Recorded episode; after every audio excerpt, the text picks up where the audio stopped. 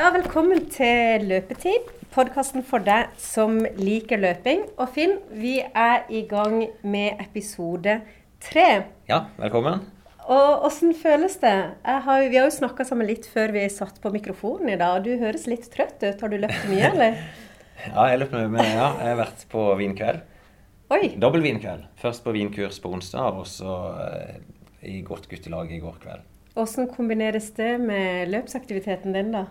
Eh, ja, det det medførte Av og til så springer jeg på morgenen. Det gjorde jeg ikke da. Eh, men jeg springer i kveld. Det gjør jeg. Så det, det, funker helt greit, det. Men det er klart, du hører litt på stemmen at den er litt mer rusten i dag. Mm. Så Kanskje du har litt lyst til å si at aldri mer? Vinkveld? Det blir nok flere av de. må, som jeg sa sist, det er noe som heter yte, så nyte. Så ja. det er like viktig del av det der. Og det er jo ikke sånn at det å drikke litt, at det går utover formen, altså kondisjon. Nei. Men det er klart du kan føle deg litt sånn fysen. Så så i dag, episode tre, Finn føler seg litt fysen, men det gjør ikke jeg. Så vi får bare Jeg skal ja. geleide deg gjennom den, eh, de godt. neste 50 minuttene. Så eh, Finn, vi har jo hatt eh, en utfordring hver fra episode én. Åssen ja. har din utfordring gått? Ja, Det var denne boka. Jeg, jeg nesten leste den ferdig. Det er noen få sider igjen. Eh, og det kan vi snakke litt om etterpå. Jeg har litt lyst til å, å lese noen få sider fra boka, så lytteren kan høre hva dette dreier seg om. Ja, kjempebra. Eh, og jeg skulle jo løpe. Ja. Eh, og det skal vi også høre litt mer om. Jeg har jo vært og tatt noen opptak av hvordan det gikk. Ja. Så det kommer vi tilbake igjen til. Og så videre så skal vi jo følge Eivind. Ja, han er jo i gang med treninga. Så han har hatt sine første løpeturer. Så vi skal innom og høre både når jeg snakker med han før vi la de endelige planene for hva han skulle gjøre, og etterpå han har gjennomført sine første to økter. Mm, og Maren har eh, flere skader? Eh, ja, jeg vet ikke om jeg er skada sjøl, men eh, jeg var jo inne i Oslo, og da spilte vi inn noen få skader. Og så vil hun komme ned her til Sørlandet neste uke, så skal vi ta litt mer. Så, og da er det litt sånn, Hvis folk lurer på liksom spesielle temaer de har lyst til å ta opp, så er det mulig å sende det inn på, på Facebook-sida vår og, og stille spørsmål. Så kan vi dra det inn i programmet neste gang. Mm, ja, og det gjelder jo ikke bare dette her med skader og sånn, men hva som helst som dere lurer på i forhold til løping, eller ønsker at vi skal snakke mer om, så er det bare å skrive til oss, og så kan vi ta det opp. Mm. Så eh, du sa jo at eh, det var viktig med et par eh, gode sko, så det skal vi også inn på i dag. Ja, vi var inne hos Randesvøl og snakka med dem om sko. De hadde en skotest i forrige blad. Mm. Og da skal vi i hvert fall høre hva Sara hadde å si om disse skoene. Mm. Sjøl så er ikke jeg så veldig nøye på akkurat hvilke sko en springer med. Nei. Det viktigste er at det er noen sko. Mm. Ja. Men det skal vi snakke mer om. Men i hvert fall så har vi jo snakka litt om dette her. Eh, vi sa jo sist gang at uh, du skulle si litt om løpteknikk. Ja. Og vi skulle snakke litt om løpeglede og sånn. Ja, det skal vi. Mm. Så stay tuned. Se der, Eivind. Da står vi her igjen. Det er vi. Og siden sist så har vi jo laget en treningsplan. Jeg har lagt den ut på nettsida. Og um, det første du sa, du hadde ikke sett på den? Nei. Nei? Heida. Eh, der, vi får gå gjennom den. Og i dag, det er tirsdag, da, og ut fra planen så er det de første økt. Og det, jeg tenkte Før du begynner på den, så skal vi gå gjennom det litt. Og det er egentlig greit for de som hører på, at de vet litt tankene bak. Mm. Vi satte jo noen mål sist. Eh, vi vet det er et New York Marathon som kommer i, i november. Mm. Det er en halv maraton som du skal springe i august. Mm. Og det er en ti kilometer i juni. Det er liksom dine milepæler, i hvert fall på yes, veien. Yes. Jeg har lagt link til disse arrangementene, så hvis folk har lyst til å være med sjøl, eller være med og se det, så kan mm. de klikke inn og, og melde seg på. Så Jeg lagde en årsplan der det stender litt sånn overordna nærmest måned for måned. Og jeg skrev at i mars nå, da, eh, så er det å, å finne litt utgangspunktet ditt og definere målsetningene. Det har vi gjort. Eh, det kan folk høre i, i podkast episode to, der du sliter deg ut. Og hvis de vil ha litt humor, så kan de se det på film. For yes. vi tok et klipp på det. Men jeg har sagt at uh, vi skal starte forsiktig. Og du, jeg sa, kanskje du var litt skeptisk til å starte forsiktig. Mm. Uh, for det at du er litt sånn du har trent ei økt i uka der du har trent hardt, og det har vært ganske lang tid, da, vært en time. Mm. Så jeg har sagt vi skal roe det litt ned. Du skal ha to til tre økter i uka. Mm. Eh, kanskje bare Jeg sa 20 til 40 minutter sist. Når jeg lagde planer, så har jeg faktisk skrevet 20 til 60 minutter. Mm. Og det var etter jeg hadde tenkt litt Du er vant til å trene, så Vi skal la deg få lov å springe noen lengre turer. I hvert fall i løpet av den perioden som kommer. Mm. Og ei av øktene skal være harde, to av de skal være rolige. Og Mm. det er litt sånn De rolige øktene de skal hjelpe deg først og fremst til å tåle trening og like trening. Mm. Den harde økta skal øke kapasiteten din. Det er sånn jeg tenker nå. Mm. Eh, jeg skriver bonusøkte, for det, du sa at du gikk tur med kona di, og det må du fortsette med. Mm. Hverdagsaktivitet hjelper. Eh, og du bor ikke så langt ifra meg heller. Det er syv kilometer til jobb. Mm. Det å f.eks. sykle til jobb vil hjelpe. Mm. Nettopp. Men jeg skal ikke si at du skal gjøre det, men, men, men det er sånn bonus som du kan gjøre, som, som vil gradvis hjelpe deg. Særlig på det med vekt. da. Hvis du transporterer deg sjøl fram og tilbake til jobb, så sliter du litt grann mer kalorier hele veien. Nettopp. Og det er mars. Det er ikke langt igjen av mars. Det er to dager igjen av mars. eh, det står april og mai. Finne treningsglede. Og så fortsetter vi litt med det samme opplegget. Det er tre økter i uka. Fortsatt tilvenning. Og vi begynner liksom å tenke etter hvert nå, mot juni, der du skal springe den 10 kilometeren. Selve planen, da. Jeg skrev det, det er åtte måneder til et maraton, og for meg da, så er det veldig god tid. Noen tenker jeg må forberede Hvis jeg skal springe maraton, så må jeg gjøre dette i mange år eh, fram i tid. Men det må du ikke. Åtte måneder er kjempegod tid. Eh, Ok. Ja. Eh, og derfor vi tar oss god tid til tilvenning. Vi skal ikke ha det skada, og det er liksom de første seks-åtte ukene så er sjansen for å bli skada kanskje aller størst. Eh, for overgangen fra null til litt trening er stor. Nettopp. Ja. Og det må du tenke på. Ja. Så du skal ikke imponere meg med at du er klart å gjøre mer enn det jeg har satt opp. Du skal imponere meg med at du har gjort det jeg satt opp. Mm. Da er jeg veldig fornøyd. Ja, men det er. Ja. Og jeg skriver noen sånne punkter på planen. altså Det er nå motivasjonen er best. Om to måneder så kan jeg nesten garantere deg at motivasjonen er ikke like god som den er akkurat nå som du stender på startstreken. Det er nesten som et løp. ikke sant? At, eh, eh, men samtidig, da. De første ukene er jo nå, så er framgangen din størst. Det er nå du merker virkelig liksom, fra uke til uke at du hever deg. Eh, så ja. Eh, jeg skrev òg med sykdom, så trener du ikke. Så, og det er heller ikke sånn at hvis du blir syk og er stått over noe, da, at du må ta igjen det tapte. Nei, ok. Da begynner du liksom bare litt sånn rolig tilvenning. Og jeg sier liksom, som en sånn tommelfingerregel så kan du si at hvis du har vært uten trening ei uke, så trenger du ei uke med tilvenning før du er tilbake der du var. Mm. Nettopp. Eh, og bruk heller det enn å si oi, nå har jeg glipp, Ja. gått glipp av noe trening som jeg skal ta igjen. Mm. Det er litt sånn forsiktig tilvenning til Ja. dette. Hm. Også i forhold til løpesko, så jeg, jeg vet Har du løpesko? Ja. Du har joggesko? Et par? Mm. Ja. Hvis jeg kunne valgt noe for det etter hvert, så ville jeg vel at du skulle ha hatt ett par til. Okay. Det er ikke noe kritisk nå i starten, men det er jo sånn at av og til så, så kan skoene presse på ting, eller det kan gjøre vondt. Eh, og hvis du bare har det alternativet, så kan du bli skada av skoene i seg sjøl. Og det å ha to å variere på, så minker du den risikoen. Ja. Men da kunne vi egentlig tatt kanskje en tur sammen på løpelabbet og fått noen innspill sammen av de. Men det gjør vi ikke nå. Det kan vi ta og gjøre i en senere episode. Og så skriver jeg eh, gjør igjen treningsavtale med andre. Eh, helst med noen som er dårligere enn deg sjøl. Eh, jeg tenker det er lurt. altså Når du har noen forpliktelse overfor noen, så er det større sannsynlighet for at du får gjennomført trening. Mm. Er det realistisk å finne noen treningspartnere? Mm, det er det, altså. Absolutt. Eh, Hvem er det du kan trene med? eh, kona. Hun løper ja. litt saktere enn meg. Helt perfekt. Mm. For det vil si at uh, du må ta hensyn til henne, holde litt igjen, Mm. som gjør at du kanskje får den kvaliteten du trenger. Mm, nettopp. Og eh, et kommentar til akkurat det finner jeg jo at jeg og kona har snakka om å løpe sammen. Og så har det ikke blitt noe fordi at hun tenker ja, men Eivind, du skal presse deg så hardt, jeg orker ikke å følge med. Det er Så, fantastisk. nettopp. Ja, ja. Mm, mm. Hva er det hun heter? Siri. Siri med to i. Hun er fra Mm, Estland. nettopp. Ja, Riktig. Siri, hvis du hører på dette, så eh, dette kommer du til å, å være med og hjelpe Eivind med. Så supert at du er kommer til med. å takke deg, Finn. Ja, veldig bra.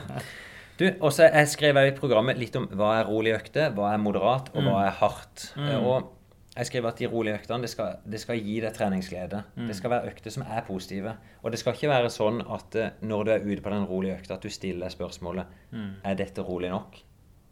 For det vet du. Hvis du er i tvil Ja, men det er så enkelt. Hvis du er i tvil om, at, er om det er rolig nok, så er det ikke det. Da, da presser du deg for hardt. Mm. Så rolig er rolig. Du, du trenger ikke tenke på puls. Jeg skrev litt om pulsverdiene, for Ja. vi, vi målte jo alt det. Men jeg tenker at du skal ikke springe rundt med pulsklokka og lure på om det er rolig. Nei, okay. Du skal ha det behagelige på disse rolige øktene. Veldig bra. Så skriver jeg liksom moderate økter, som er liksom økter som skal gi deg godt grunnlag og utholdenhet. Det er når du er rundt det vi kalte anaerob terskel. Mm. Du springer med en sånn du kalte det vel, Eller jeg kalte det feberfølelse. Mm. Eh, Ja, men det stemmer. God, det- det- god beskrivelse, vil jeg si. Mm. Ja, jeg tenkte eh, på det sjøl når jeg springer der, at det er sånn lett ubehag i kroppen. Nettopp. Men det er ikke sånn at du føler at du stivner, og at eh, du tenker at når jeg bare kommer Mm. om litt, så må jeg bare gi opp. Du, du er følelsen at du kan holde på lenge, men du, du presser litt. Grann. Det er sånn typiske økter som er, de er veldig gode for fra 10 km opp til maraton. Du kan holde på lenge. Du forbrenner sabla bra. Og så gir det deg masse stimuli for hjertet. Også på det vi kaller løpsøkonomien. din. Kroppen optimaliserer sånn at du får en stadig bedre løpsteknikk. Mm. Den, men den var ikke så gal når du sprang, altså. Og så er det hardøktene. Det er det, det lite vi skal gjøre virkelig hardøkter, men det er nok det du har vært vant med sjøl. Å presse deg sånn at eh, det spruter litt syre ut av deg, og, og ting er bare vondt. Og som eh, Effekten er jo stor. Du, du påvirker hjertet veldig mye, og det er viktig, selvfølgelig. Du skal, hjertet er jo den, den viktigste muskelen for å pumpe blod rundt i kroppen. Og det er den du trener best når du presser maks. Mm. Eh, men det er ikke det du trenger mest av når du skal springe en 10 km, halv maraton og en maraton. Mm. Nettopp. Så eh, vi skal ha litt mindre av de, men du skal innom de. Mm. Eh, og, og spesielt foran den 10 km så kan det være det som skal til for å løfte det, det lille hakket opp. Og du satte et mål på 45 minutter. Jepp. Ja. Så er det planer, planen, da. Vi, vi var enige. Tre økter i uka. Vi, du har ingen begrensning i hverdagen, egentlig, annet enn du jobber. Du ligger på sofaen, og du spiser mat. Ja. Det er liksom eh, Pretty much. Mm. Ja. Jeg liker å ha minst mulig planer på kvelden. Det er sånn jeg bare Ja, nå har vi satt opp tre planer for det. Det er tirsdag, torsdag, lørdag. Vi har sagt at på tirsdag skal du ut og trene rolig.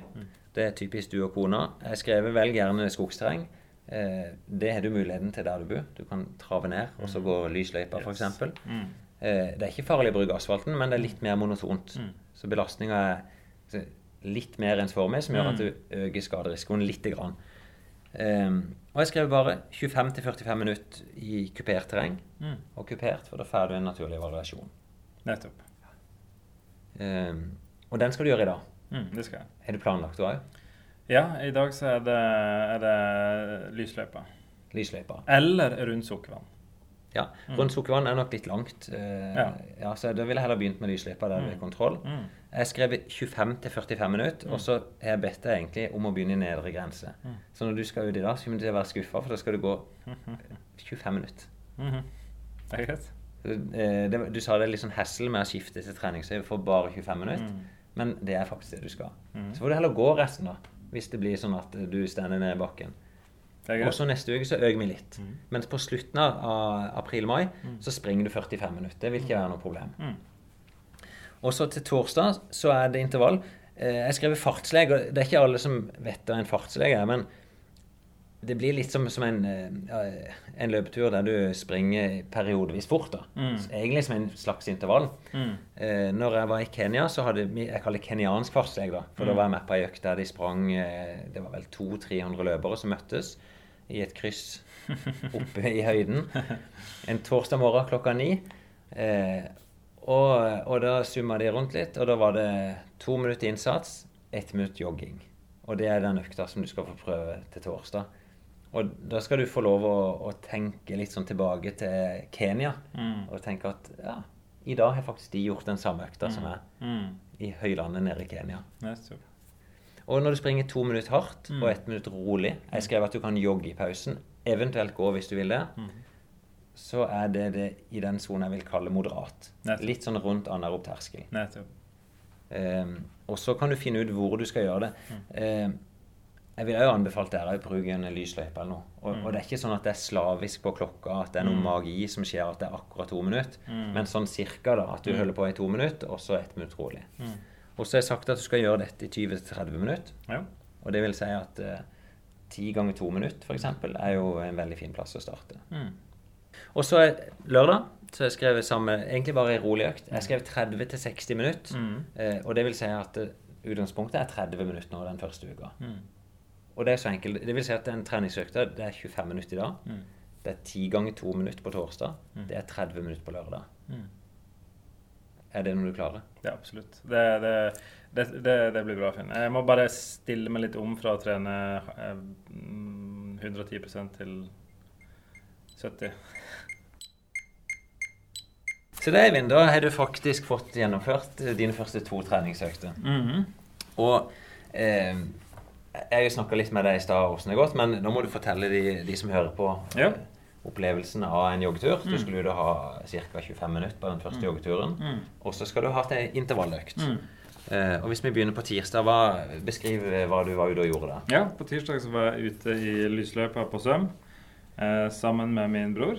Eh, og han løp sitt eget løp. Han eh, slo all time high på Strava-appen, eh, mens jeg tok en rolig eh, to runder.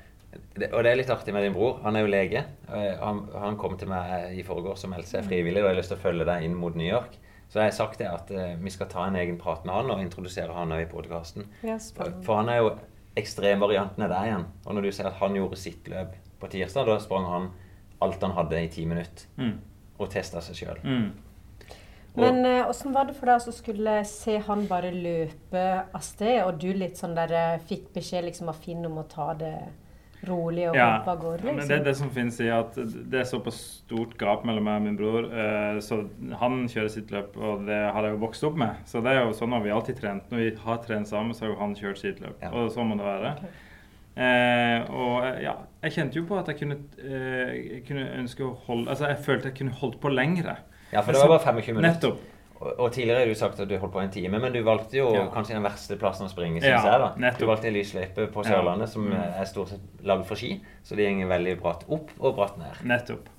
Eh, så det spørs om det, om det, blir så mange flere økter i den løypa, for jeg kjente det var veldig brutalt. Eh, og jeg har jo primært løpt på mølle. Men, men eh, hva gjorde du? Sprang du opp alle motbakkene, da?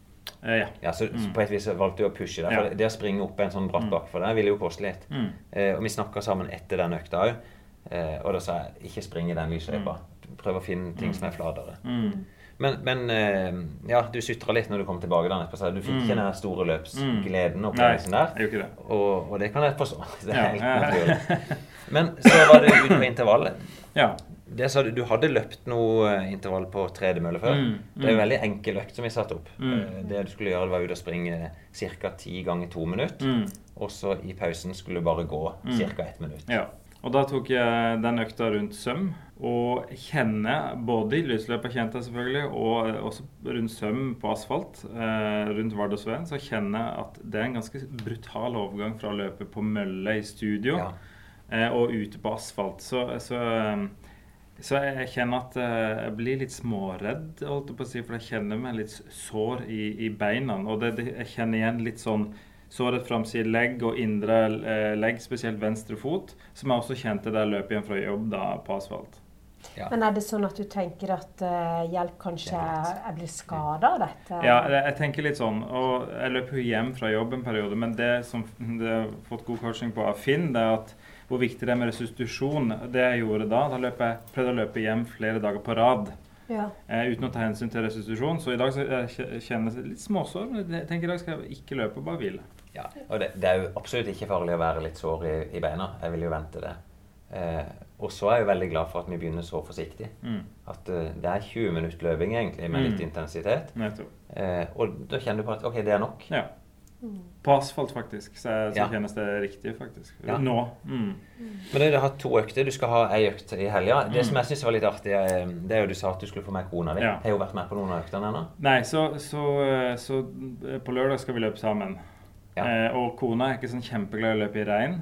Eh, men har, nå har vi på en måte blitt enige at eh, vi, vi, skal løpe uansett. Ja. Men jeg skal, jeg skal, uansett løpe, så om hun blir med eller ikke. Men jeg hadde vært koselig å løpe sammen med henne. Det hadde det. Jeg skjønner det der med løping og regn. Altså. Den, den, har ikke jeg heller løst ennå. jeg syns det er deilig. ja, jeg syns ja, det. Akkurat det Jeg tenkte, jeg fikk jo utfordringer der om å lese en bok. Mm. Jeg har litt lyst til å servere den videre til deg, Eivind. Ja. Mm.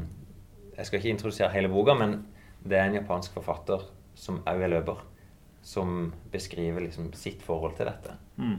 Og jeg tror du vil se noen lys på veien. Mm. Han springer heller ikke i regnvær. Nei. Det tar han fri. Så den følger med der. Ja. Og så høres vi neste uke. Ja, så bra. Tusen takk, Finn. Fint, Eivind.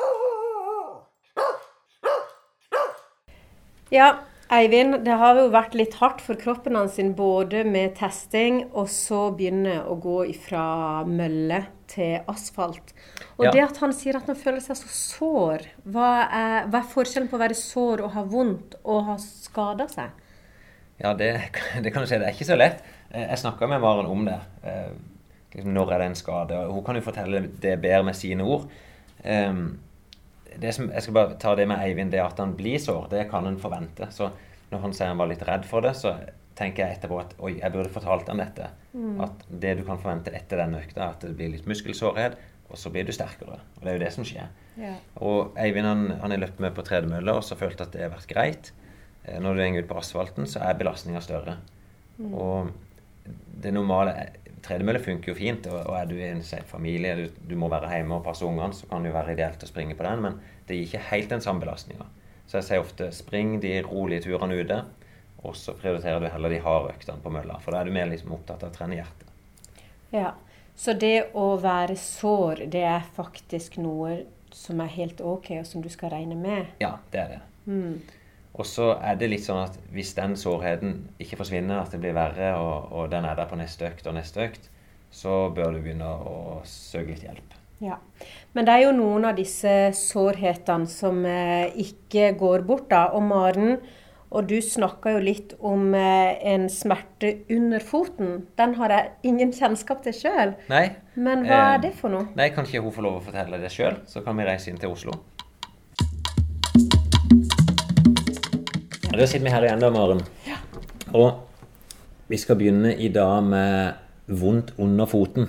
Mm -hmm. Det må jo være liksom det mest naturlige av alle løpeskader, å få vondt der foten treffer bakken. Mm. Hva er det når folk kommer til deg og sier at det, det gjør fryktelig vondt mm. når jeg enten stender bare rett opp og ned, eller springer, så gjør det vondt rett under foten min?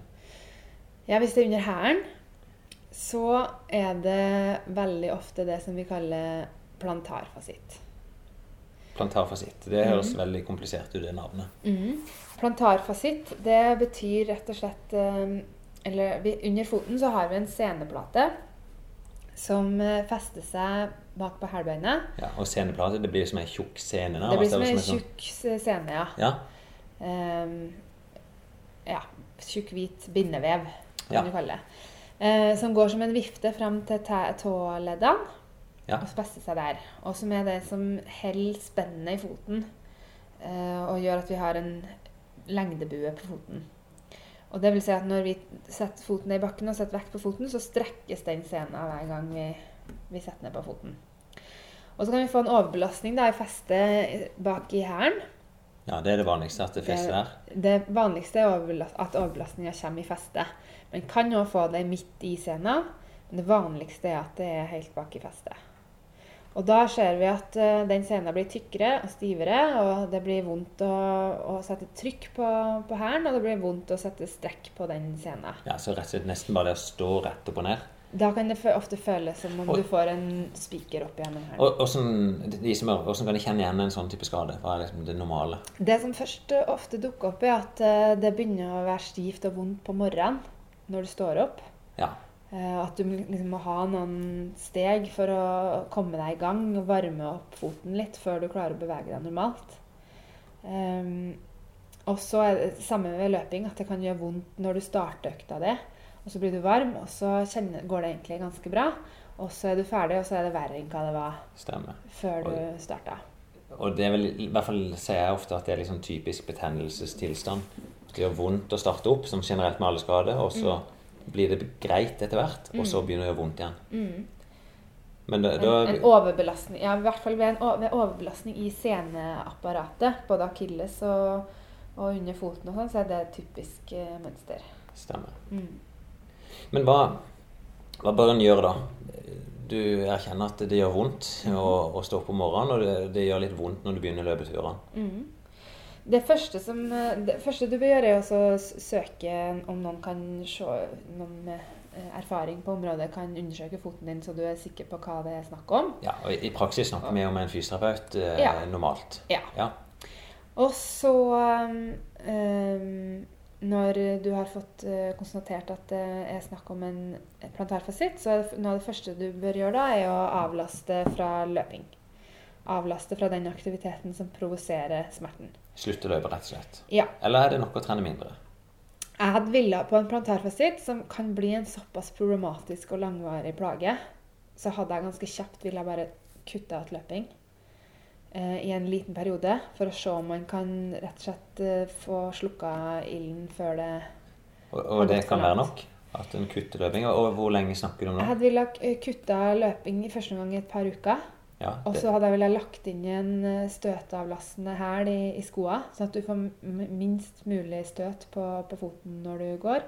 Eventuelt eh, lære deg å teipe foten for å avlaste sena di. Og så tatt vekk helt den der eh, eh, provoserende aktiviteten i et par uker i første gang. La oss si at dette begynner å hjelpe. Og, ja, og, hva gjør da? Og så ser du hvis det har gått to uker, da, om, om har da smerten på morgenen gått bort? Er det eller har ikke vondt når du trykker på det punktet lenger, og sånn, så kan det jo hende at du har klart å dempe det før det har klart å sette seg skikkelig. Ja. Har du ikke klart det, så, så, vil det mest sannsynlig må man belage seg rett og slett bare på at dette vil ta tid. Hva er worst case? Hvis du er eh, heldig, så kan det ta tre måneder. Men eh, det er, van, det er mye vanligere at det tar lengre tid enn det. Og worst case er ett til to år. Det stemmer. Mm. Så dette er en skade som du definitivt ikke har lyst til å ha som løper. Ja. Signalet ditt det er å umiddelbart ta affære hvis du kjenner smerte under foten. Ja. Og redusere løpinga. Ja. Og aller helst ta fri. Ja. Tiltak, Hvilken type behandling er det du vil gjøre på pasienten hvis han kommer til dere?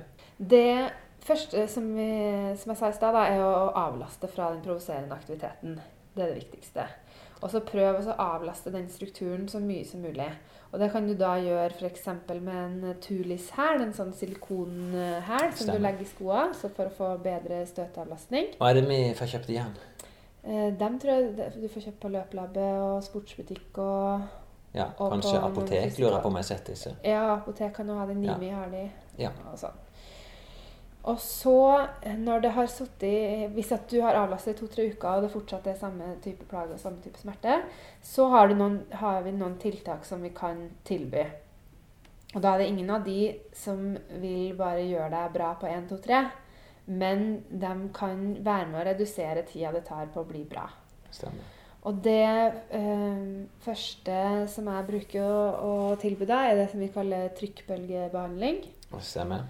Som eh, er rett og slett at vi slår harde slag veldig raskt med et apparat inn i, i det vevet.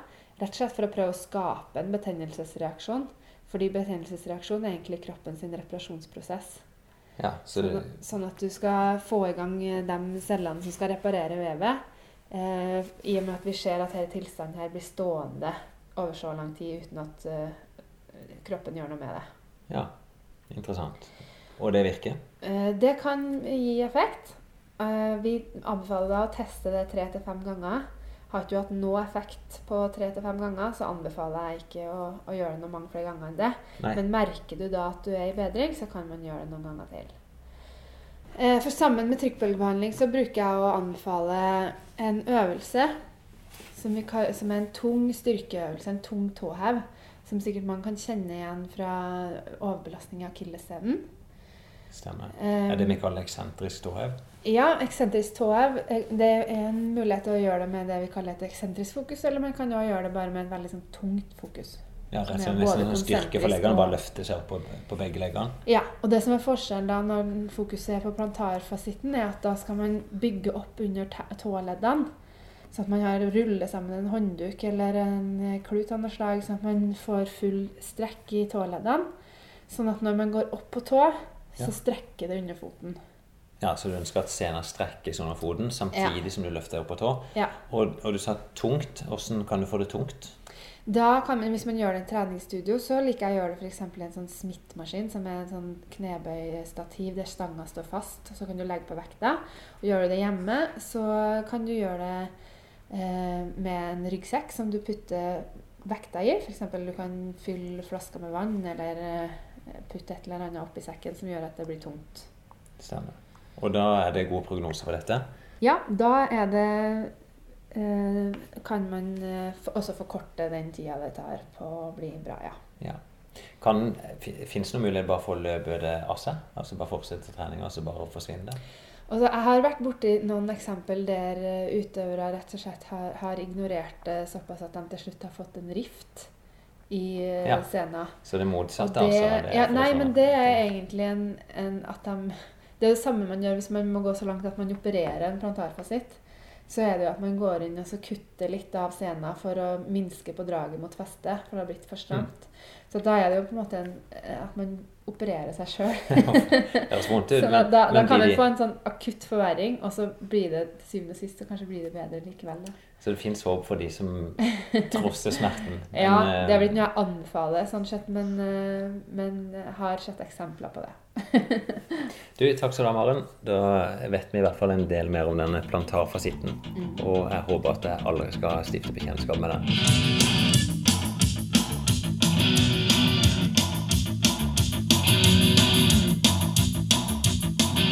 Ja, Finn. Nå skal jeg ut på mine første 20 minutter eh, løping. Ehm, jeg gleda meg masse til denne turen, særlig siden du har sagt at man ikke kan ta det rolig nok. Så har jeg tenkt å følge det. Ehm, jeg har funnet meg en liten skogsti langs eh, en elv som, eh, hvor jeg tror det kan bli fint å løpe. Så nå skal jeg sette i gang, skru på musikken. Så skal jeg spille inn litt etter de 20 minuttene og ta litt bilder for å kunne dokumentere hvordan dette har gått.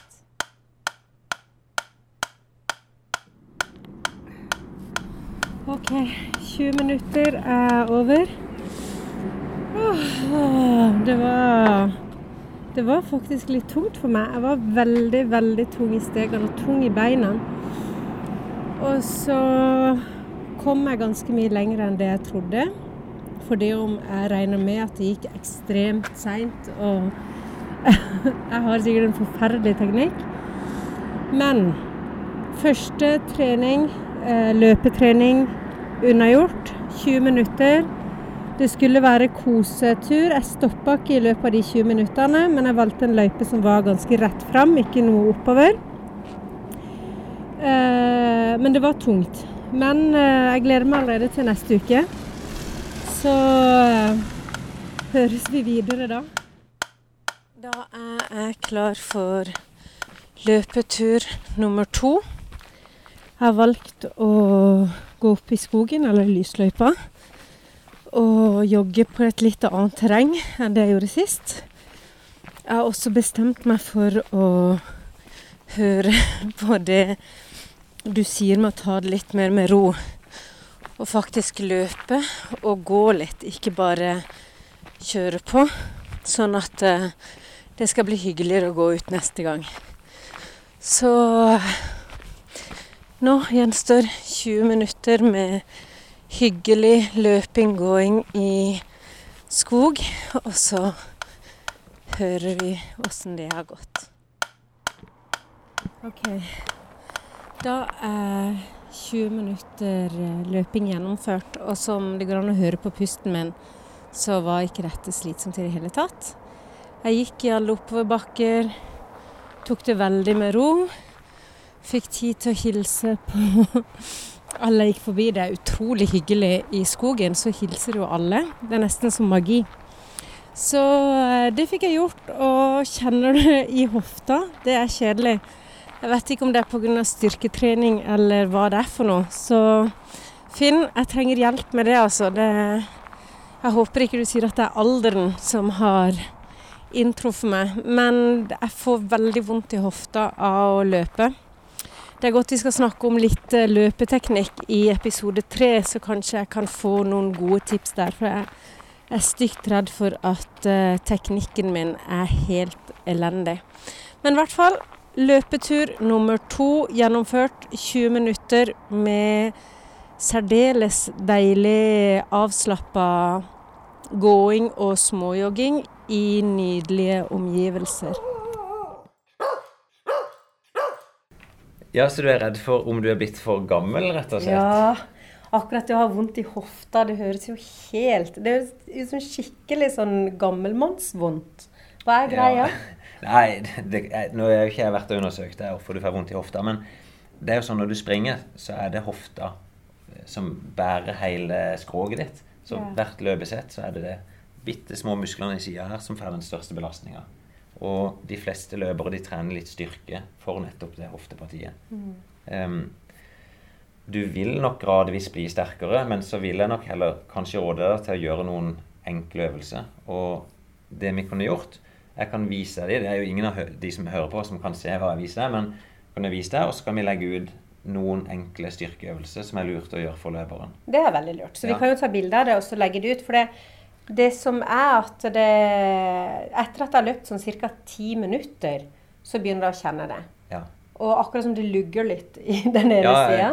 Og jeg kjenner det både sjøl og jeg kjenner mange løpere som har akkurat disse problemene. Du vil nok klare det helt greit, og det er ikke farlig. Okay. Um, og så, Jeg skal ikke si om, jeg, om, det er en skade eller ikke, men det gjør vondt i hvert fall. Og det må du prøve å, å jobbe vekk. Så tar det ca. to dager, så går det over. Det er akkurat som jeg har lyst til å tøye på det hele tida. Ja, men det er ofte det som er kuren, at du styrker det og tøyer det. For det okay. kan være litt for stramt mm. og litt for svakt. Ja.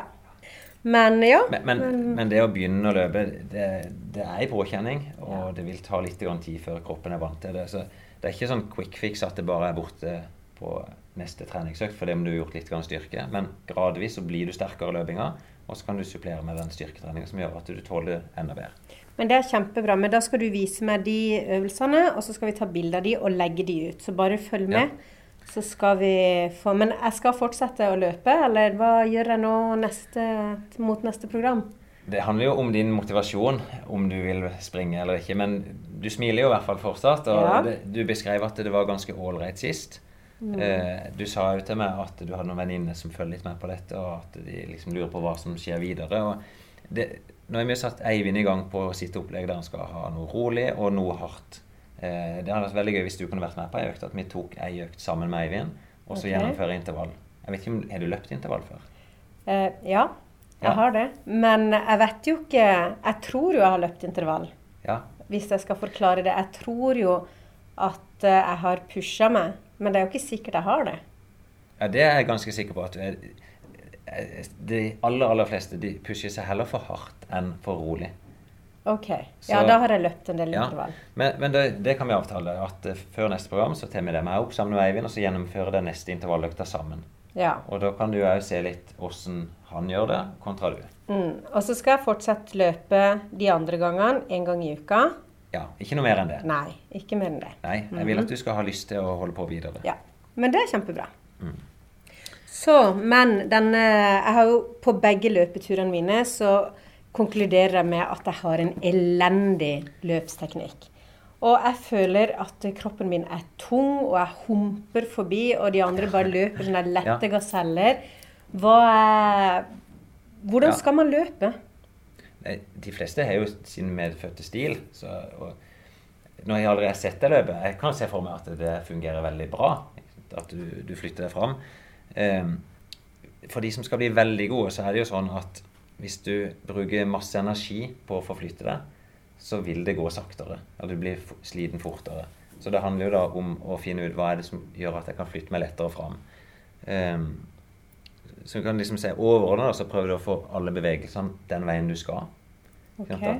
Hvis du ser at armene dine slenger fram og tilbake, eller som du ser at hofta di kanskje går litt med ut, mm. så er det bevegelse vi prøver å rette den retninga du skal løpe. Okay. Og så er det litt det å være avslappa. Det er liksom det overordna. Um, ehm, og så er det Du skal være litt i balanse. Sånn at uh, du skal ikke falle fram eller bak. Det er ikke så lett å kjenne sjøl. Eh, men du skal liksom sånn lett, lett fall framover i forhold til tyngdepunktet ditt. Og så er det kanskje den aller vanligste feilen det er at folk tar litt for lange steg. Når du tar et langt steg, så blir det stem, og så spretter du litt opp istedenfor bort. Og det er ja. kanskje det du føler som en sånn humping, da. Ja, for jeg, jeg prøver jo å ta lange steg. Ja, det, og jeg skjønner ikke hvor det der kommer fra, for alle har liksom hørt den der lang ut. Ja. Men på løping så handler det nesten om å korte inn. For det, det fre, frekvensen gjør det lettere. Og da hvis du har mange steg der du skyver, så er det mindre belastning på kroppen, og du kommer fortere fram. Og det, det er ofte der jeg begynner med folk, at uh, vi har hatt denne metronomen, den tikkelyden som mm. er i programmet eh, så at den kan begynne å nærme seg 180 steg i minuttet. Det er tre steg i sekundet, så det er ganske, ganske bra takt. Ja. Men da begynner det å bli veldig effektivt. Ok, Så da skal du ha mindre steg. Du skal prøve å holde kroppen rett. Alt som går til sida, skal du prøve å få mest mulig på liksom linje. Ja, det er litt mm. så enkelt ja. som det. Så, og Det er ikke noe hokus pokus. Men så er det klart, de beste løperne igjen, de driver og trener styrketrening for å klare å holde den posisjonen. Og du mm. sa har du fått litt vondt i hofta. Og det er jo sannsynligvis fordi at hofta di faller litt ja. ut. Du er ikke sterk nok. Mm. Og når du får kontroll på den, så blir det litt mer økonomisk. Så bra. Men da blir steget ditt òg litt lengre fordi du blir sterkere. Men du prøver aldri å strekke steget for å få et lengre steg. Okay. Da, du ønsker bare kraft på bakken, og så skyver deg fram. Og foten, da? For det er jo veldig sånn lande på hælen, lande på foten, lande ja, hvor, det, i, hvor, skal du lande hen? Du skal lande med foten rett under kroppen. Det er det viktigste. Og om du da treffer med hælen eller får foten først, eller helt flat, det er individuelt. Okay. Ofte så ser en skal springe veldig fort, så ser du at uh, de fleste gjenger litt mer opp på tå. Men det er ikke noe vi anbefaler at du skal prøve å gå opp på tå når ikke du er sterk nok til det. Nei. Ja, for jeg har jo sett noen som nesten ser ut som de, de løper liksom på tåspissene forbi meg. Ja, og noen gjør det. Eh, mm. og noen gjør det litt feil. At det blir som en ballettdanser som stikker tåa ned. Ja. Eh, men da får du ofte òg en stem. Altså en stem som gjør at du, du bare sperrer imot, og så spretter du opp istedenfor. Mm. Så det er lite økonomisk akkurat det hvis det blir ballettå. Mm. Så tenk heller på å få foten bare rett under kroppen, og så gjør du det på den måten som er naturlig for deg. Ja. Men vi er jo ikke ferdig med løpsteknikk. Vi kan jo si det til lytterne ja. at dette her er jo et tema som vi kommer til å gå inn på flere ganger. Og tro meg, jeg har sett Finn løpe på mølle, og han ser ut som han har hjul og ikke føtter. De går helt opp mot rumpa når han løper. Du sa jo sist gang da vi snakka om hva, som, hva, man trengte for å løpe, så sa du at egentlig så trenger man ikke så mye annet enn kanskje her i Norge et par sko. Ja, egentlig over hele verden. Altså, et par sko, en shorts og en T-skjorte, så er du egentlig i mål. Ja, og så er det jo alltid ikke sant, det vi har snakka om før, at man blir jo proppa full av eh, reklame og tester mm. og hva man skal kjøpe og hva som er bra for ditten og datten. Hva tenker du om det i forhold til sko? For de aller fleste så, så er ikke det så viktig. Da trenger du bare en nøytral sko. Og særlig hvis du springer mye i terreng eller på grusvei, så er det så mye variasjon i det underlaget at ikke det gjør noe. Men så er det noen da som har noe visse skjevheter. Det kan være at de er tunge og trenger litt mer demping. Da vil jeg anbefale oss å gå og finne en det spesialsko. Men du får noen som er tilpassa deg. Mm. Eh, og da kan det være lurt å gå på en butikk som f.eks. Løplabbet, eller noen andre som har litt kompetanse, som kan se det løpet. Ofte så er det jo noen tips å få på veien. Det som er litt artig, da, er at som regel så filmer de det. Og da kan du se deg sjøl når du springer. Det er ikke så mange som er vant til det. Og de fleste blir litt overraska. Oi, springer jeg sånn? Mm. Ja, jeg har jo vært og testa på løpelabbet. Og ja. jeg, det som jeg syns er litt flaut da, når jeg går og skal kjøpe meg nye sko, at uh, jeg har jo fortsatt lyst til å kjøpe de som ser finest ut. Ja. Og så tør jeg ikke å si det. Så får jeg kanskje noen som jeg syns er helt grusomme. Og så prøver jeg å finne ut hvorfor ikke den skoen sitter så godt. da, For å ja. ikke si at jeg egentlig ikke syns de ser så fine ut. Men er det OK å kjøpe den skoen du syns ser finest ut? ja, jeg, jeg, tenker litt sånn Ta heller og kjøpe den skoen som kjennes best ut for deg. Ta den på, jogg litt på den, og hvis det presser og klemmer, så ville jeg valgt en annen sko. Mm. Litt motsatt av høye hæler, altså. Litt mose, ja. Eh, og så er det litt sånn at eh, noen har breie føtter, noen har smale føtter. Og der kan du få en del tips da på en butikk. Eh, Nike-skoene f.eks. og Adidas er ofte litt smale. Mens f.eks. Misuno kan være litt bredere. Men eh, du har jo snakka med noen som har testa litt sko? Ja, absolutt. Vi var inne til, til Sara i Runners World, og hun kan fortelle. De hadde en stor skotest i forrige nummer. Og vi snakka om det i hvert fall, så kan vi høre hvordan hun forklarer denne skotesten.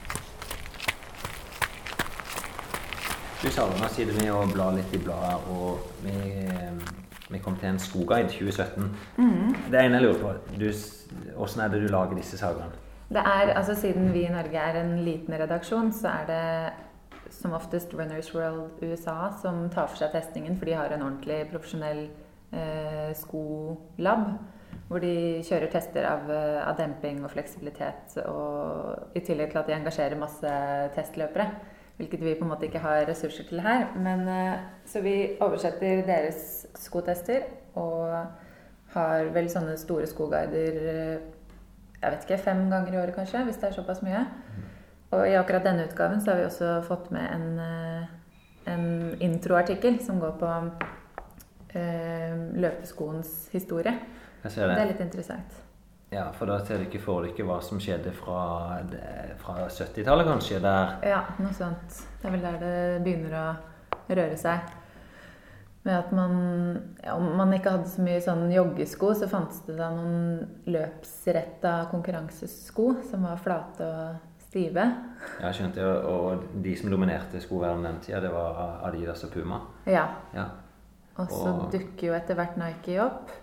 Ja, og det, det, er kanskje mange som kjenner til den historien der det var, det var vel noen trenere bort på universitetet i Oregon som begynte å lage sine egne sko. For de mm. syntes eh, de skoene som fantes, at de var litt for dårlige. Mm.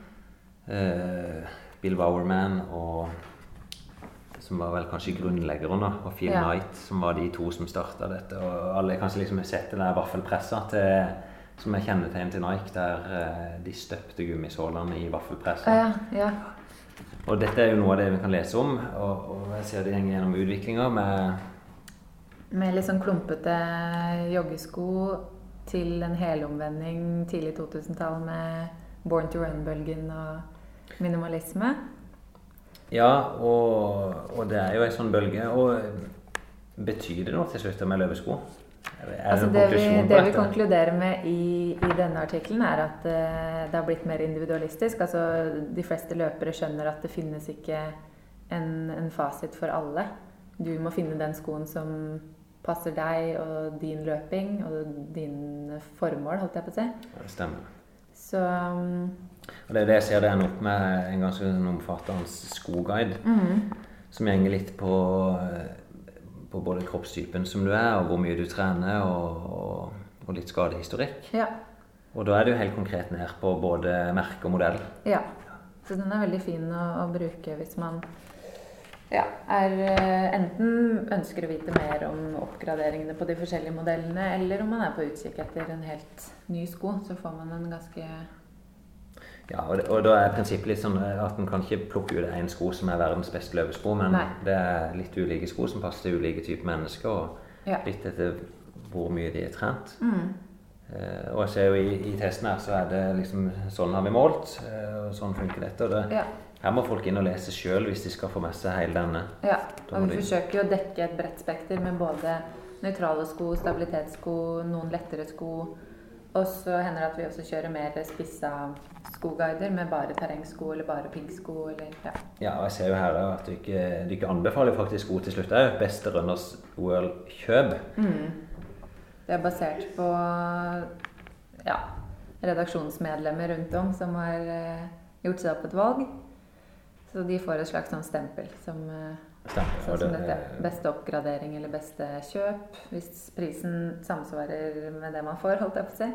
Stemmer. Ja. Og, og, den vi kan anbefale her, det er Nike Zoom Span til 950 kroner. Ja. Som er en ganske stabil sko.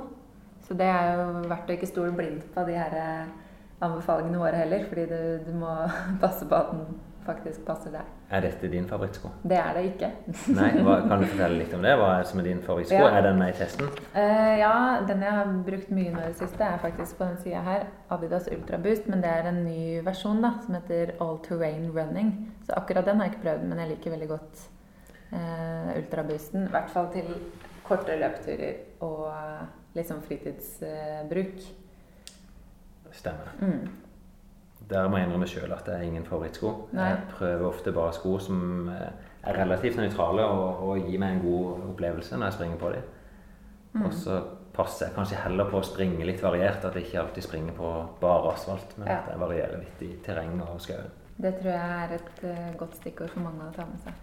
Du, tusen takk. Jeg syns folk skal inn og lese den skotesten sjøl, så kan de danne sin egen mening. Ja, jeg er helt enig. Ja, Finn. Eh, sko. Jeg kommer til å fortsatt jeg, Nå har jeg noen veldig veldig fine joggesko, da, så de kommer jeg til å fortsatt bruke en stund framover. Men eh, Murakami, ja. i eh, boka som du har lest, så snakker han jo faktisk litt om sko, gjør han ikke det? Ja, han, han snakker jo veldig mye. Han, han klarer jo å beskrive alt han ser, og alt han tenker og han springer på Misuno-sko. Jeg tenkte jeg kunne lest bare et kapittel der han skriver om det, så kan jo òg de som hører, få et lite inntrykk om dette er en bok som jeg har lyst til å lese. Det som er settinga her, at han driver og trener seg opp. Han har et mål, det er å springe New York Marathon dette året. Så, så jeg begynner inni her, da. Han skriver Jeg har også kjøpt meg nye joggesko av merket Misuno. Jeg prøvde alle slags modeller og merket da jeg var innom City Sports i Cambridge, men endte opp med å kjøpe de samme skoene som jeg har brukt under treningen. De er lette, har forholdsvis lite demping i hælene, og, som vanlig, nei, og som vanlig tar det litt tid å løpe dem inn. Og Det er ganske vanlig. Ja. Bruker litt tid på å løpe inn sko. Jeg liker at skoene ikke er utspjåket på noe vis. De ser proffe og troverdige ut på en naturlig måte. Dette er bare min personlige oppfatning, vel å merke. Andre vil sikkert mene noe helt annet. En gang fikk jeg muligheten til å slå av en prat med en salgsrepresentant fra Misuno, og han innrømte gjerne at design ikke var deres sterke side. Stemmer det for deg òg? Du liker ikke Misuno-sko? Nei, Nei, jeg liker det. Skoene våre er nok litt enkle og skiller seg ikke ut på noe vis. Vi vet at vi leverer kvalitet, men utseendemessig er dessverre ikke skoene så mye å skryte av. Jeg skjønte godt hva selgeren prøvde å si. Misuno bruker ingen gimmicker, de finnes ikke fasjonable og har ingen smarte slagord på lager. Så for vanlige forbrukere har de ikke stor appell. De er på en måte skoverdenens svar på Subaru. Til gjengjeld følges skoene pålitelige og gir godt feste på veien når du løper. Min erfaring er at skoene gir glimrende partnere med seg på en 42 km lang løpetur. I løpet av de siste årene har kvaliteten på joggesko blitt mye bedre, og så lenge du velger sko fra det øvre prissjiktet, spiller det egentlig ikke så stor rolle hvilket merke det er. Ikke desto mindre gjør små detaljer at skoene skiller seg fra hverandre, og løperen ser alltid etter det lille ekstra som kan gi dem en psykologisk dytt. Mm. Jeg synes Han summerer det opp veldig fint. Kjempefint. Tydelig han har en favoritt blant Misuno. Han ser at det fins andre gode sko. Eh, og man kanskje designet er ikke det viktigste. Nei, man føler seg nesten litt sånn eh, Litt teit over at man tenker så mye på utseendet når man hører det han sier, da. Eh, jeg tenker aldri på det når jeg ser noen som løper, hvilke sko de springer med. Jeg Nei. ser jo bare åssen de springer. Ja. Men det er tydeligvis at det er det første du ser. Det er hvilke sko bruker denne jeg ser nok mer på hvilke sko jeg har på meg, enn hva andre har på seg. Hva mer sier eh, Du, ja, eh, vi kan gå inn eh, han, På et tidspunkt så han, han løpte en 100 km, og jeg syns det var en ganske sånn fin beskrivelse av og ille. Åssen du kan beskrive hvor vondt det er å løpe. Um, og dette er den verste og beste opplevelsen han har hatt innenfor løping.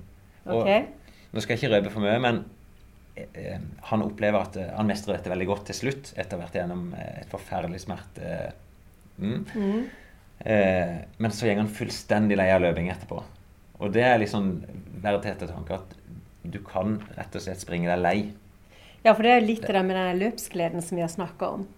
At ja. den, den, er ikke konstant. Han er ikke det. Skal jeg ta Jeg kan ja. prøve å, å, beskrive, lese litt fra boka. Da er han inne og springer dette løpet, og, og, han tenker her da Selv om beina beveget seg igjen, var de 20 km mellom hver hvilestasjon ved 55 km og kontrollpunktet ved 75 ulidelig tunge. Jeg følte meg som et stykke kjøtt som ble pressa gjennom en kjøttkvern. Viljen til å kjempe videre var der, men hele kroppen gjorde opprør. Det var som å kjøre bil i motbakke med håndbrekket på, som om kroppen var i ferd med å falle fra hverandre, bit for bit, og snart ville bryte fullstendig sammen. Jeg var tom for olje, mutteren var løse, og jeg løp i helt feil gir. Jeg mistet fart for hver meter, og bakfra kom den ene løperen etter den andre joggende forbi. Til og med en liten dame som har vært nærmere 70. Stå på, sa hun oppmuntret idet hun passerte. Nei og nei, hvordan skal dette gå? Det er jo 40 km igjen. En etter en begynte kroppsdelen min å gjøre vondt. Og da skal du høre beskrivelse her. Først fikk jeg smerter i høyre lår, før disse etter en stund migrerte til høyre kne, og så videre til venstre lår. Kroppsdelen reiste seg opp og skrek ut sin misnøye etter tur. Hylte av smerte, stønnet og bar seg, klagde over hvor miserabelt alt var advarte meg om at nå hadde de fått nok. Også for dem var, et løp, var et løp på 100 km en ny og ukjent opplevelse, og hver kroppsdel hadde sin egen unnskyldning på lager. Selv om jeg skjønte den godt, var alt jeg ønsket at de holdt kjeft og løp videre. Som Danton eller Robespierre da de brukte sine talegaver i et forsøk på å overtale det særdeles misfornøyde og opprørske revolusjonstribualet, tok jeg alle midler i bruk for å få kroppen til å vise litt samarbeidsvilje. Jeg oppmuntret den, tryglet og ba, smisket med den, skjelte den ut og oppildnet den. Bare litt til nå. Kom igjen, ikke svikt meg nå. Men når man tenker etter, og det gjorde jeg, så endte til slutt både Danton og Robespierre sine dager i giljotinen. Så han beskriver veldig godt og, og, vondt det kan gjøre, og hvordan han klarer å piske seg videre fram. Mm. Kjenner du deg igjen litt i dette? Ja, jeg har selvfølgelig vært inne i, i sånt. På de, kanskje på de lange løpene så får du sånn opplevelse, men det er jo ikke dette løping handler om. og han som jeg sier, etter dette løpet så gikk han fullstendig lei. Og han begynte med triatlon en lang periode. Ja. Han orka ikke bare å utstå løpinga. Nei, men vi kan jo i hvert fall anbefale den. Jeg har jo lest den. Eh, nå har du lest den. Eivind skal lese den. Ja. Så vi kan virkelig anbefale denne boka som en motivator og litt sånn eh, lunt smil og gjenkjennelse av ja, det, det, å løpe. Så Finn, ja. eh, det er jo et eh, stort arrangement som kommer i august her i Kristiansand, som handler om ja. løping. Det kan jo du litt om? Ja, det har jeg lyst til å snakke om. For det er noe som heter Sommerløpet. Som, det er meg som er løpsleder. Dette er sjette året vi arrangerer det nå. og vi prøver å, å klare å, å, lage en løpsfest. da. Det handler ikke om konkurransen 5 km eller 10 km, men få en løpsfest der alle kan delta. Eh, vi har hatt folk som labber på krykker rundt løpet, og det er liksom de viktigste deltakerne. Ja. Klare, jeg tenker litt sånn, jeg skal klare å skape den samme stemninga som de gjør i New York. Ja. Så vi skal være proffe. Det skal være litt, du skal hente starten om å få en følelse av at du er med på noe stort. Og på løpsdagen, så I år da, så har vi ordna med løpsfrokost som løperne kan få kjøpt, eller de kan bestille med påmelding. Så har vi selvfølgelig løpet, som er, du, det er 5 km, 10 km, halvmaraton, maraton. Og Oi, helt fram opp til maraton? Og hold deg fast. Ikke nok med det, så kan du òg melde deg på noe som vi kaller supertrippel. Maraton på morgenen, halvmaraton klokka to og ti km klokka fire. Å, hjelpe meg. Og så oppi dette så er det selvfølgelig barneløp. Eh, I fjor hadde vi ca. 1000 barn som springer. Og så er dette Det er midt i Kristiansand. Eh, sentralt. Det skal være et byløp. Eh, og vi springer i hvert fall, Du får se det fineste Kristiansand har å by på. Og så jobber vi veldig nå med å, å, få masse stemning i løypa. Ja. ja, for det er jo det som er litt med disse store løpene. At det skal være gøy å delta, det skal være gøy ja. å se på, og du skal få følelsen av å være med på noe stort. da. Det er litt artig når, i New York når du springer det. Det er jo en kupert løype, og mange sier at bruene er det tøffeste. Men det som mange faktisk brenner seg på, det er at når du har løpt 25-26 km, så kommer du ned på det som heter Manhattan som er den indre fileten av New York, eh, der stender nesten én million mennesker på et fem kilometer langt strekk. Og det som skjer da, det, det, er egentlig som å være midt i et 17. mai-tog, og det er musikk, og det er bare et leven fra folk som sender på sida, det er jo at nesten alle setter opp farta. De ja, øker tempoet. Og når du kommer til endes av Manhattan, så kommer du bort til noe som heter Bronx. Springer opp på en motorveibru, og det er dørgende stille. Bam! Der kommer smellen. Alle har jo lyst til å vise seg fra det beste ja. i Manhattan. ja, selvfølgelig. Men litt av det samme prøver vi å få til i Kristiansand. Og ja. Vi har DJ-ut i løypa, vi har musikkorps i løypa, og vi har bedrifter da, som stiller folk ut og bare klapper folk fram. Så gøy, så gøy. Men går det an å melde seg på dette? Selvfølgelig. ja. Eh, sommerløpet.no, så, så finner du egentlig all informasjon der. Eh, det finnes jo selvfølgelig masse andre gode løp, men vår ambisjon er at det skal være et av de største løpene, og med god kvalitet.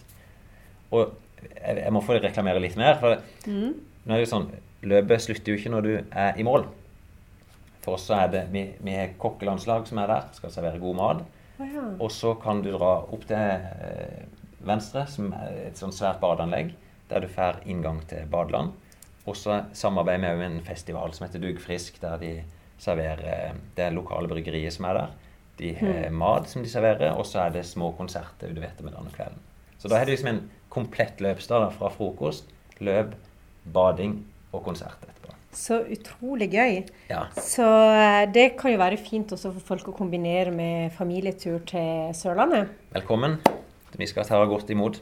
Ja, og dette skjer da 19. august i Kristiansand. Så ja. det er bare å melde seg på løpsfesten. Mm. Og vi kommer også til å være der med løpetid. Og vi skal være der. Lyd, og... Ja, Eivind skal springe halvmaraton. Veldig eh, gøy. Det er jo meg som er løpsleder på dette, så der må du hjelpe med teknikken og innspillinga. Mm. Men jeg pleier alt, i hvert fall jeg klart det de første fem årene, at det er jo meg som fartsholder på 10 km. For da er liksom, okay. Når du har alle mann i arbeid, så er det ikke så veldig mye som skal falle på meg til slutt. Jeg er veldig glad for at jeg skal ta opp lyd den dagen. Ja, for men da... du kan ta opp lyd i fart. ja. Det er godt jeg har litt tid å øve meg på. Ja. Få opp farta. Eh, så har vi noen eh, flere episoder i vente, har vi ikke det? Ja, vi fortsetter med dette. Eh, vi var kanskje litt lite ambisiøse og sa at vi skulle komme ut med én episode i måneden. Vi, vi, ser nok at vi kan produsere i hvert fall hver 14. da. Eh, mm. så, men jeg er litt sånn i tvil. Det kommer påska inn. Eh, vi må prøve å produsere noe innhold i påska. Jeg vet Maren skal komme ned til uka, og vi skal snakke mer om skade. Jeg har en liten ambisjon. Jeg har ikke snakka med Øystein Sylte men jeg får snakke med han. Eh, vi skal treffe broren til Eivind. Ja. Eh, Erlend Haugstad, som er lege, og en, faktisk en av Sørens beste skiløpere.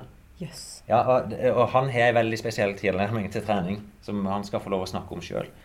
Eh, eh, og du skal jo på tur i påska. Ja, jeg er jo friidrettstrener, og som hele påska da, det er på treningsleir. Så vi skal ta med oss eh, løpeklubben vår ned til Portugal. Så deilig. Ja, det er det. Det er to, økte, to treningsøkter om dagen. Eh, og mye god mat. Det er mm. det. Så jeg tar jo med meg eh, lydopptakeren. Eh, og så skal jeg få sett om jeg kan få tatt noen, prate med noen av Norges beste løpere som skal ned der. Og høre litt hva de kan gi av tips. Og vi har jo noen av Norges beste trenere som er der samtidig. Kjempefint. Så da har vi noe å glede oss til. Så da ja. kommer episode fire etter påske. Vi kommer til å legge ut bilder på Instagram. Kanskje du kan få lagt ut noen fra Portugal? Det skal vi gjøre. Og nå har vi hatt Eivind inne og sagt at han må være flinkere til å få lagt ut litt eh, dokumentasjon når han er trent, og, og fortelle litt om sin opplevelse. For vi tenker jo at dette skal inspirere noen til å begynne å trene litt. Komme litt bedre i form. Men da er det jo bare å ta på seg skoene igjen og komme seg ut. Ja, det er det. Jeg skal i hvert fall ut senere i dag. Skal du? Ja. Nei.